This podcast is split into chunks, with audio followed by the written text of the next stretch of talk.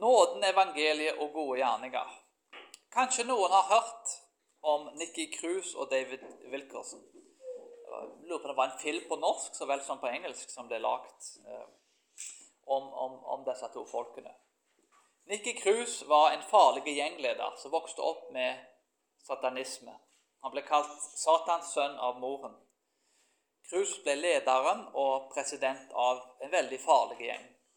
Dette altså var ikke mors beste barn og på ingen som helst måte en korgutt, men en svært farlig fyr som du ikke ville møtt på en dårlig dag.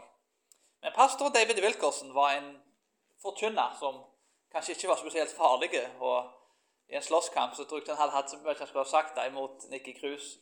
Men eh, han møtte Nikki Cruise. Han visste hvem han var, og han forkynte til han. Dere har kanskje hørt historien før. Men pastor Wilkerson da, han, han ga aldri opp. Nikki Krus. Til tross for Nikki Krus trua han, klaska han i fjeset når han forkynte til han, og fortalte han at han kom til å drepe han hvis han fortsetter å forkynne. Wilkinson han gjorde det samme opp igjen opp igjen opp igjen, til tross for han fikk nye trusler av Nikki Krus. Dette var en fyr som var vant med å følge opp truslene sine. Det var ikke en, en mann som sendte tomme trusler til folk. Hvis han sa han skulle ta deg, så var det sikkert en god sjanse for at det kom til å skje.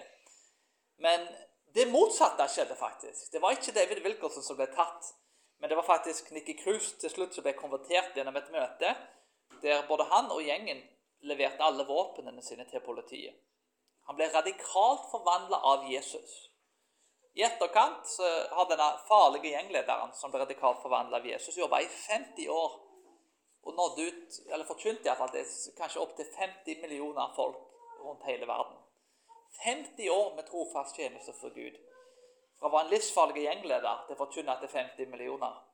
Det er en ganske um, utrolig uh, vitnesbyrd og en utrolig historie. Og når det kommer til evangeliet, så, så er det ikke på noen slags måte noen misforståelse av hva evangeliet kan gjøre i livet til folk. Og evangeliet har kraft til å forvandle folk. Når nåden og evangeliet tar del i livene til folk, så blir livet forvandla. Og synden blir ikke den samme lenger. Og Gud kan bruke folk på en helt annen måte, uavhengig av hva livet en har levd før.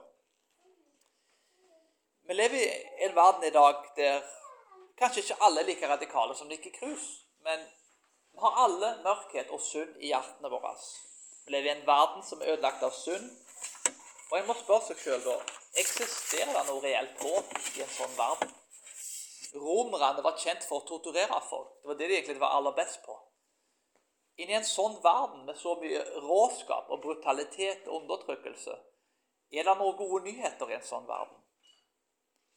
Det var mange på Paulus' i tid som, som, ikke trodde på oppstandelsen. Oppstandelsen var ikke ekte. det stemmer ikke det som ble sagt og det som ble gjort. Og Det er derfor Paulus adresserer dette med oppstandelsen her. Og da er spørsmålet Hvis oppstandelsen ikke er ekte og ikke har skjedd, hvis det ikke er beviser for den, blir ikke håpet da tomt? Setter en ikke liten da til helt tomme ting som det ikke er noe substans og realitet i? Det er derfor svært viktig å finne ut av hva svaret på dette spørsmålet er. Er det noe grunn til å sette vårt håp til evangeliet, til nåden og til de hellige gjerningene som et resultat av disse tingene? Det er tre ting som vi skal gjennom i dag. Det første er det er evangeliet som frelser. Hva er det som frelser? Det er evangeliet. Nummer to dette evangeliet som frelser, det er beviser for det. Beviser for at evangeliet er sant. Det er det andre punktet. Så med andre ord, evangeliet frelser, det er beviser for at det er sant. Og evangeliet og denne nåden som ble gitt i evangeliet, leder til hellige gjerninger. Og Det er altså fruktene da, av evangeliet. Så Evangeliet frelser, bevisene for at evangeliet er sant, så vel som evangeliet nåden da leder til hellige gjerninger. Vi begynner med at evangeliet er det som frelser, i vers 1-2. Vers 1. Paulus begynner med å bekrefte det han forkynte med evangeliet til dem. Han sa at de må stå fast på det de fikk, og det de tok imot. Paulus forkynte evangeliet til dem, og de tok imot det. Og de må stå fast på dette. Paulus refererer tilbake til det som var forkynt, det de tok imot, og det de står fast i. De har altså et fundament som de er etablert i. Og Her er altså det ordet som er det fundamentet. Det er forkynnelsen av ordet evangeliet som er det fundamentet. De ble frelst fra noe og til noe, men de ble frelst til å være i noe progressivt, noe som skjer hele veien, og ikke bare skjer én gang. Vi glemmer lett, og Paulus minte de på korinterne at hva Gud har gjort i livene deres. Det er nesten som at han Dette var det Gud gjorde, men, men se hvor fort dere endte opp som syndere. Denne menigheten er forferdelig, korintmenigheten. Men, men det var ikke sånt, altså det var ikke det Gud frelste dere til. Det var disse tingene Gud frelste dere fra. I vers 2 sier Paulus ved det evangeliet ble dere også frelst. Men merk at det er en betingelse i disse versene. Dersom dere holder fast ved det ordet 'jeg forkynte dere'. Hvis ikke så de, kommer de til troen på en forgjeves måte. Med andre ord det er ubetydelig at de gikk rundt og bekjente seg til Jesus Kristus hvis de levde liv som var uhellige, og det gjorde mange i Korintkirken. Altså, Frelsen er noe progressivt og aktivt, noe som skjer hele veien. Det er ikke noe som, som har skjedd én gang. Jeg skrev boken min på, på baksida av Bibelen og jeg var frelst i 1984. liksom, og, og, dermed da kan jeg leve hvordan jeg vil i etterkant. Altså, Det er noe som, som fortsetter å fungere livet ut. Altså, et tre har liv i seg. Hvis, altså, enten er det dødt, eller så er det levende. Er det levende, så produserer det frukt. Og Det vil alltid produsere frukt hvis treet er levende. Og Sånn er det jo med frelsen, at frelsen er virksomme uansett. Det er noen som, som, som tolker disse tingene kanskje på en, på en, litt annen måte. Men det er noe med dette at når, når Gud har begynt et verk i oss, så vil han fullføre det verket som står i Filipperbrevet 1,6. Men det er på en betingelse. Det er en betingelse at en skal holde fast på det ordet som ble forkynt. Om dette er ikke tilfellet, så er altså frelsen da helt forgjeves.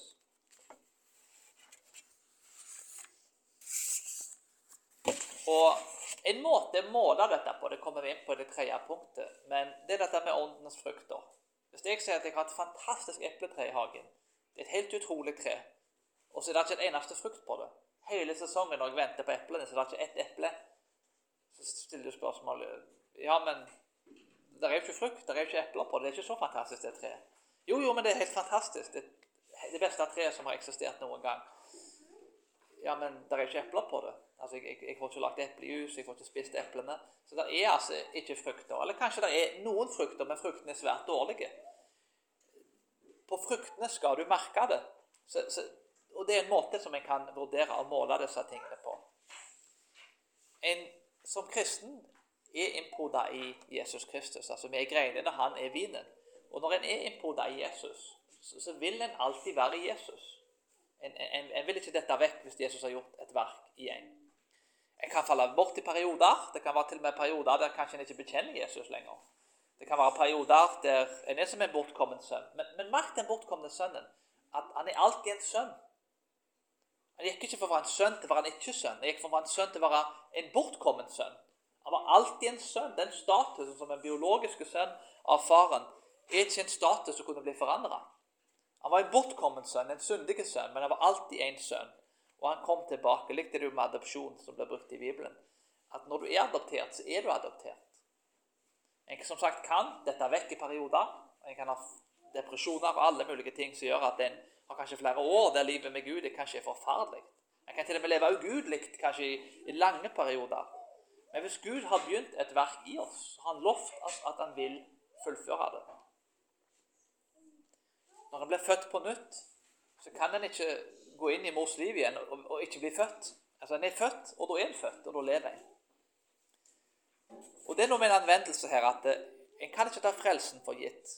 Og Galaterbrevet 5 går jo litt inn på dette. Vi skal inn på dette det siste punktet. Men dette med åndelige frukter det er en måte en kan vurdere disse tingene på. Men det må være ting i livet som tilsier at det er noen frukter.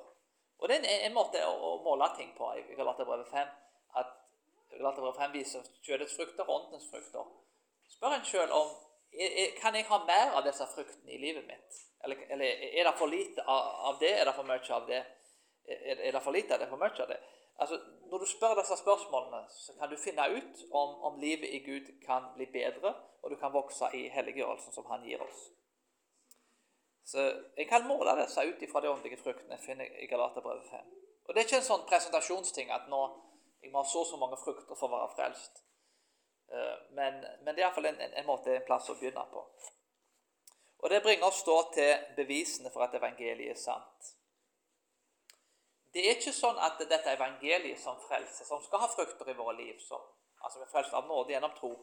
Men, men, men vi tenker kanskje ja, men noen ganger også Hvis en detter litt fra en periode, har tunge perioder, kanskje en vurderer kanskje Kanskje det, det ikke er sant, det jeg tror. Kanskje jeg har trodd ting som er feil. Men i vers 3-4 så finner vi svaret her. Vi finner altså bevisene på at evangeliet er sant. I vers 3-4 at Kristus død for våre synder, at han ble begravet, at han ble oppreist den tredje dagen. Dette er evangeliet. Og om du forkynner dette, så forkynner du evangeliet. Nå spør dere hva er evangeliet Jeg sier alltid til Sara at evangeliet evangeliet du, Med syndere Jesus har frelst oss. En veldig enkel måte å oppsummere det på. Men altså, det er altså Jesus frelste syndere. Han døde på korset og ble begravet. Han ble oppreist på den tredje dagen. Det er dette som er evangeliet. Vers 5-6. Han ble sett av Kefas, deretter de tolv, 500 på én gang. De fleste lever ennå. Han ble sett av apostlene og av Paulus. Når du kommer til evangeliet, det, og oppstandelsen spesielt, så er det svært viktig å huske på at det, det var 12 og 500 som hadde sett Jesus på en gang. Vi tror ofte at eh, disse folkene levde i en primitiv kultur, og de, de forsto ikke 2 pluss 2 er 4. De hadde ikke iPad, hadde ikke data, hadde ikke teknologi, så de var ikke så kloke som oss. Eh, nå lurer jeg på faktisk om teknologien ofte gjør oss mye dummere enn de gjør oss klokere. Det er jo en annen ting igjen. Men, men, men, hvis du bruker tid på å studere historien i Romerriket, så, så, hadde de svært sofistikerte og avanserte metoder for å finne ut hva som var sant, og hva som var feil. Eh, jeg vil faktisk argumentere for at folk var mye smartere. Ja, I alle fall de som jobba med disse tingene, var i snitt mye smartere enn det er i dag. Fordi de hadde ikke hjelpemidlene. De hadde ikke kalkulatorer, de hadde ikke data. Og hjernen er en muskel som ble lært opp. Så de skriftlærde på den tida måtte kunne nesten alt utenat. For de hadde ikke, altså bøker var veldig dyre. Så Det var åpenbart ikke dummere folk. Og de hadde veldig avanserte metoder for å finne ut om ting er feil. Så hvis du skrev i et offentlig brev at det var 500 stykker som så, så den i Jesus. Det er veldig lett å finne ut av det. Ja, Kontakt de 500 stykkene. Kontakt de 12 disiplene. De hadde gode metoder for å, for å avvikle ting. Og Merk at påstanden her var at Jesus hadde blitt korsfesta. Det er ikke ett tilfelle i Romerriket der romerne, romerne var dyktige å korsfeste folk. Det er ikke ett tilfelle der noen ble korsfesta, så overlevde de. Det var ingen som overlevde en korsfestelse. Det var den fysiske Jesus som ble korsfesta, ikke den åndelige Jesus. Han ble gravlagt. En svær stein som lå foran graven med vakter. Det er den samme Jesus som, som oppsto fra det døde. Og det var 500 stykker som påsto at de hadde sett ham. Disiplene hadde sett Jesus. Paulus påpekte dette i sine brev, og den tidligere kirka bekrefta dette. Så var altså disiplene, som var skrevet i det første århundret, og Paulus, som var uavhengig av disiplene, som bekrefter oppstandelsen i 1. Korinterbrev 15. Og når det kommer til forskningen Det er en som heter Gary Habermas som har jobba veldig mye med disse tingene. der. Og Jeg anbefaler at dere leser 'The Resurrection of Jesus Christ'. tror jeg den boka heter. Den, den boka hans. Men Den lurer på om oversatt til norsk, faktisk. Den er veldig bra. Den går grundig gjennom dette. og Det er en, en toppforskning han mener at det er omtrent ingen forskere som, som, som ikke tror at Jesus, altså, altså de etterfølgerne til Jesus ikke var overbevist om at han oppsto fra de døde. At de hadde sett ham etter han oppsto fra de døde. Det, altså, det, det er nesten ingen tvil om blant noen. De var til og med villige til å dø for det. Og vi vet det at ingen er villige til å dø for falske ting. Vi dør for familien, kanskje fedrelandet, Gud altså Det kan være mange ting en vil dø for, men det er ingen som dør for en løgn. Folk dør for ting som de sjøl tror er sant. Jesus viste seg for Peter, de tolv disiplene og 500 brødre, som er nevnt i Korinterbrevet.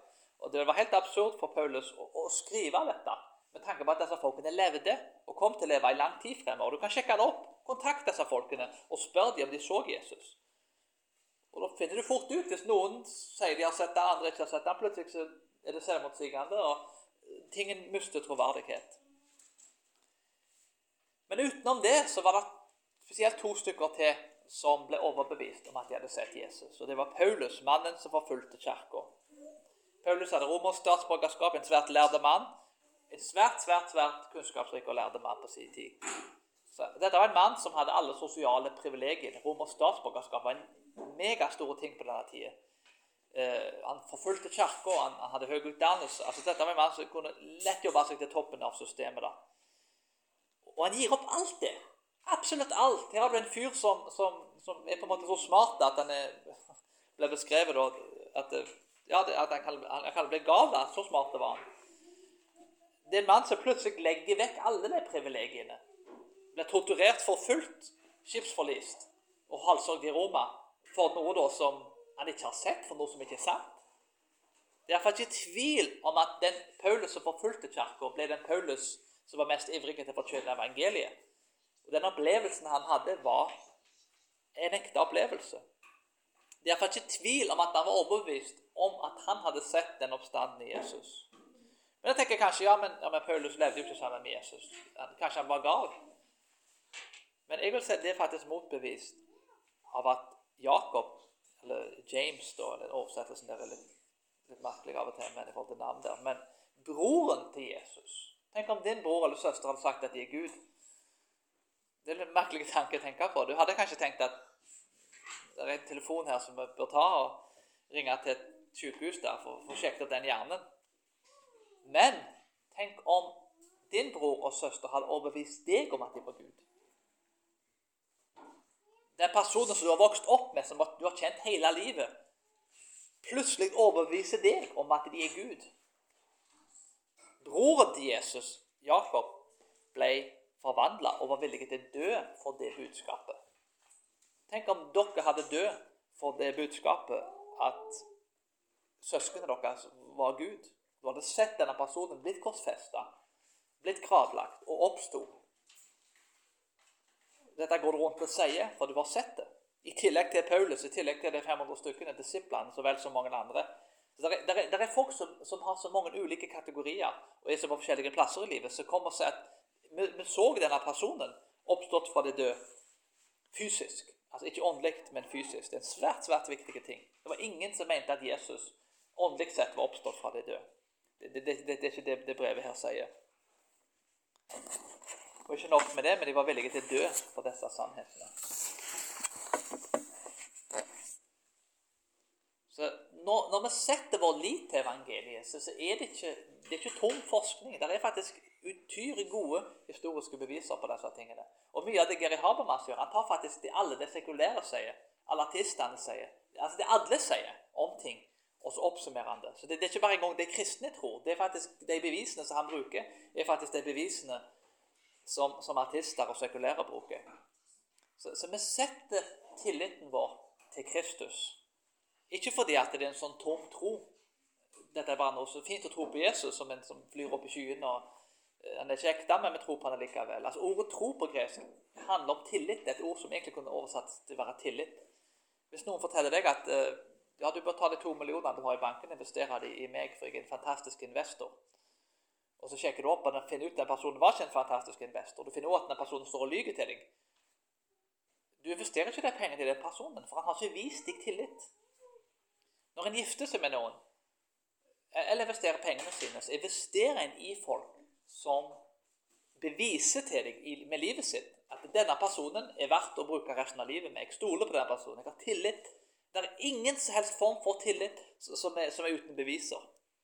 Alle valg vi tar i livet, er basert på det vi ser, og de bevisene. Jeg investerer ikke mine penger i ting hvis jeg tror det er ekstremt usannsynlig at jeg kommer til å tape alt. Men hvis jeg har konkrete og tydelige beviser som viser at det er veldig sannsynlig at her kan jeg tjene mye penger, så, så kan jeg investere. En gifter seg ikke med noen som en ikke har tillit til. Og igjen, Det er ikke en, en blind tro, en blind tillit. Det er en bevisbasert tillit. Og det er den typen tillit vi ser i evangeliene. Ikke sett din lit til noe som ikke har troverdighet og beviser. Still kritiske spørsmål, og ikke vær redd for å utforske den kristne troen. I mine studier ble jeg alltid anbefalt at hvis, hvis, noe er sant, sa de alltid, så kast sannheten på bordet og la den bli kritisert. For sannhet vil alltid være sant, uavhengig av hvor mye kritikk den får. Så du har ikke noe å være redd for. Men hvis du har sannheten, så har du null bekymring. Ingenting å være redd for. sleng den ut der, og, og, la folk kritisere det. fordi hvis det er sant, så, så, er det jo absolutt ingenting å bekymre seg for. Sekter har en litt annen tilnærming til det. De, de forteller svært ofte av medlemmene sine at du, du, har ikke lov til å høre og lese kritikk eller noen ting. Fordi hvis du får kritikk, så, kan du bli fort i en kjetter. Og det er en grunn til det. På grunn av at sekten er bygd opp på ting som ikke er sanne. Og når de blir avslørt, når lyset kommer inn, så, så, så ser folk at dette er ikke sant. Så det er altså beviser for det som er sant. Det er beviser for evangeliet. Og vi setter vår lit til et evangelium som er sant, som det er beviser for. Nummer tre. Evangeliet og nåden leder til gode gjerninger. Vers 9. For jeg er den ringeste av alle apostlene, ikke engang verdig til å bli kalt en apostel på grunn av at han forfulgte Guds menighet. Vers 10-11. Men av Guds nåde er jeg det jeg er, og Hans nåde mot meg har ikke vært forgjeves, men jeg har arbeidet mer enn de alle, dvs. Si ikke jeg, men Guds nåde som er med meg. Paulus var nederst på rangstigen. Men det var akkurat som med Nikki Krus, at eh, her har du en person som, som drepte for Gud. Altså, ikke, drepte ikke Nikki Krus kanskje for Gud, men, men, men, det var et hat mot det som tilhørte Gud. Og plutselig tar Gud det og velter det totalt om. Det blir en mektig handling der den verste personen i Guds øyne blir om til den beste personen i Guds øyne. Og Et kommentar der fra John Christen, som er en av de, den gylne tunge, som de kalte den i kirkehistorien. En veldig god forkyller som får det navnet Gylletung av en god grunn. Han sier han som gikk gjennom fengsel, så pisking, skrev brev til verden, kalt med himmelsk røst, ydmyk, ydmyket seg selv, og sa at han var den minste av apostlene, ikke engang verdig til å bli kalt en apostel. Det er en merkverdig ting i Bibelen at den som har fått mest av Gud, av apostlene, var kanskje Paulus. Mest nåde, mest gaver. altså han kunne oppriktig si at han, han, var en apostel som hadde fått alle gavene. Men, men samtidig er han den mest ydmyke. Det er en ting som alltid har Han er den mest lærde. Sikkert kanskje flere doktorgrader i kunnskap, altså uten å overdrive på noen slags måte. Likevel er han den mest ydmyke. Tenk om den personen du kjenner i livet som, som, kan mest og er dyktigst, og likevel er den som er mest ydmyk. Du kan ikke forklare noe sånt uten at nåden har tatt rot i Paulus. I vers 10.: Men jeg har arbeidet mer enn de alle, det vil si ikke jeg, men Guds nåde som er med meg. Evangeliet og nåden har forandret Paulus så sterkt. Og det var ikke pga. at det ikke var beviser. Det var nettopp pga. at det var beviser. Han er en ny mann og levde et nytt liv, og det gjorde at han jobba hardere enn alle andre. Det hellige livet til Paulus var drevet av evangeliet og nåden, og ikke motsatt. Og Det er svært viktig at vi får dette i rett rekkefølge en kommentar fra Timothy Keller. Han sier evangeliet er ikke religion eller ikke-religion, men noe helt annet, en tredje vei å relatere til Gud gjennom nåde. Det er en merkverdig ting med denne nåden som vi ser, og disse bevisene vi ser fra evangeliet. At uh, denne nåden er imot alle religiøse systemer som alltid sier at du må gjøre ting for å bli rettferdiggjort. Så kristendommen tar og snur alt det opp ned, eller, eller rett opp, blir det kanskje en bedre måte å si det på. Og, og Evangeliet og nåden gjør at vi kan aldri passe innenfor en viss ideologi. Vi skal bli mer lik Kristus. Det er en tredje vei som er i strid med alle andre måter å tenke på. Det er ingen menneskelige ideologier som, som Guds rike ikke utfordrer.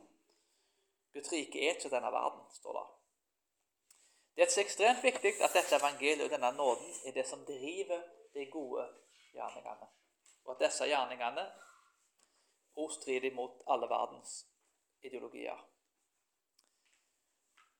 Og det er veldig lett for oss som kristne, kanskje spesielt hvis vi er opptatt av teologi, at en, kan veldig lett glemme ut dette med nåde. En, en kan få et fokus på å ha den rette læra, men glemme ut at vi er ikke frelst av, av, å tro de rette tingene, vi er frelst av nåden til Jesus Kristus. Å tro de rette tingene er åpenbart en viktig ting, men det kommer som et resultat av nåden og evangeliet, og jeg må begynne på rett plass der. Og dette leder da til hellige frukter. Og det er her poenget i dette, punktet. Jeg husker for min egen del når ja, Jeg ikke så at jeg levde et spesielt ugudelig liv, men, men, fra 15 til 20 da, så var det mer sånn, et liv på gjerdet. Et, et passivt liv, mye dataspill og, og, andre ting. Det var ikke at jeg nødvendigvis gjorde de aller verste tingene, og sånn, men uh, gjorde noen ting som jeg ikke burde gjort. Men, men, men, det, men, det, var mer et passivt liv. Trodde på Gud og kanskje under svært sjelden omstendighet ba. Og jeg husker En gang så var det en person som jeg verdsetter veldig sterkt. da, uh, kom og sa til meg at det var flott du var blitt kristen. Altså, Jeg var født på nytt da, og fikk et veldig sånn, stor omveltning i livet mitt. Veldig fint at du er blitt kristen. Så husker jeg nesten første reaksjonen din var at jeg var litt fornærma. Ja, men jeg har jo alltid vært kristen. Altså, Jeg har alltid vært kristen. altså, jeg, altså De siste fem årene nå liksom, har jeg faktisk jeg har ikke fornekta troen. Jeg har ikke sagt jeg var en ateist eller noe sånt. da. Men jeg var faktisk litt innerst inne litt, litt, litt fornærma. Litt så veldig sånn norsk. da, at Jeg var, jeg var, jeg var døpt i kirka og alle disse tingene. og Jeg hadde liksom gått til konfirmasjon, og, og, så jeg var jo kristen. Men, men, denne personen så i livet mitt at det var egentlig ikke mye åndelige frukter. Når du leser Galaterbrevet og hadde sammenlignet det med livet mitt, Galaterbrevet 5, sammenlignet det med livet mitt, så hadde du sett at det var ikke så veldig mye åndelige frukter på det tidspunktet. Så, så han hadde rett, da. Dette var en mann som, som hadde en ekstremt stor bibelkunnskap. Så han hadde veldig godt grunnlag for å si de tingene. Men han så ikke de åndelige fruktene i livet mitt, og han måtte da konkludere om at jeg ikke var troende. Og det er ikke sånn at uh, en må ha alle åndelige fruktene. Altså en må ha et perfekt liv. Det er åpenbart at en kan overleve på svært få frukter. Men, men, han mente jo da at det var nesten omtrent ingenting som tilsa at, at mitt liv var blitt fornya av Jesus Kristus. Og det er sant. Jeg var ikke født på nytt på det tidspunktet og, og levde ikke for Gud. Det er vanskelig, som i praksis her, å komme til en anvendelse og leve et hellig liv enn å snakke om det. Jeg synes Den største utfordringen er å leve ut det kristne livet. Enklere å studere om det enn å faktisk praktisere det. Men et hellig liv er et frukten av ekte nåde og en forståelse av evangeliet. Vi må leve sånn at de utenfor er imponert over våre liv. Og Jeg vil bare si to stykker. Det er faktisk to, to pinsevenner. som Jeg nevnte jo han ene da, mentoren min der tidligere, som da kalte seg selv en profet. Og Det er en person som, som hadde et liv som, som, folk i etterkant har sagt om han, Denne personen levde kun for andre. Altså, altså livet hans altså Jeg forsto halvparten av tingene jeg sa, tror jeg. Svært mye var veldig forvirrende for meg. Men, men, eh, men, men personen var så fullt av Guds ånd og så fullt av Guds kjærlighet at uh, han påvirka folk rundt seg uavhengig av om du var uenig med han eller ei. Traff en annen person, var tidligere pastor. Og Denne personen var også pinsevenn, faktisk. og han Det imponerer meg utrolig når folk tar valg i livet med hensyn til flere ting, som åpenbart er et så radikalt resultat av at nåden har virka i folk. At du kan Jeg skulle faktisk legge fram for ikke så veldig lenge siden alle argumentene jeg hadde mot den posisjonen hans han hadde. Men, men, men jeg satt bom fast. Jeg klarte ikke å få ut noen ord. Fordi at det, eh, han hadde et liv og levde ut i praksis det han sa. At, at det, han, han, han, nøytraliserte argumentene sine med livet sitt. Så, så jeg sa ingenting faktisk pga. det der. For at eh, jeg, hadde, jeg var målløs da. Et sånt valg som han tok i det tilfellet, er så radikalt og et så åpenbart manifestasjon av åndens frukter at, at livet hans motsa alt jeg hadde Jeg kunne ikke sagt noe der som hadde overbevist ham. fordi han hadde et liv som tilsa helt fantastiske ting. Og Som en oppsummering her, da, så vil jeg si at evangeliet frelse og nåden frelse. Det, må vi ha som et fundament. Og man blir minnet på dette hver dag. Jeg vet fort jeg kan bli lovisk av og til. Altså, Jeg er glad i loven, til ikke misforstå meg, instruksjonen til Gud, hvordan du skal leve. Men det er evangeliet og nåden som frelse. Og vi lever i en verden der alt vi gjør, motarbeider oss. Alle religioner og ideologier forteller oss akkurat det motsatte. Vi oppdrar ungene våre på en måte der gjør det godt på skolen, så får du belønning. Vær snill, så får du belønning. Altså Måten livene våre er på, er imot nåden. Men det er evangeliet og nåden som frelser. Det er sterke beviser, historiske og filosofiske beviser på at dette er sant. Så det er ikke en tom sannhet som vi setter vår tillit til. Og nummer tre evangeliet og nåden leder til et hellig liv. Derfor et mer hellig liv enn en hadde før. Altså Det er jo en evig prosess. Enhet med Kristus forvandla Nikki Krus. Forvandle de folkene som jeg, de to pinsevennene, så, så har forandra mitt liv, og så vel som alle våre liv. Men et forvandla liv kan bare opprettholdes med evangeliets og nådens kraft. Evangeliet er ikke noe vi mottok nødvendigvis bare i starten av livet. Det er noe vi mottar hver dag, egentlig hvert sekund. Og det varer gjennom hele det kristne livet. Evangeliet og nåden er like mye for helliggjørelse som det er for frelse. Men det er svært viktig at vi får den rette rekkefølgen.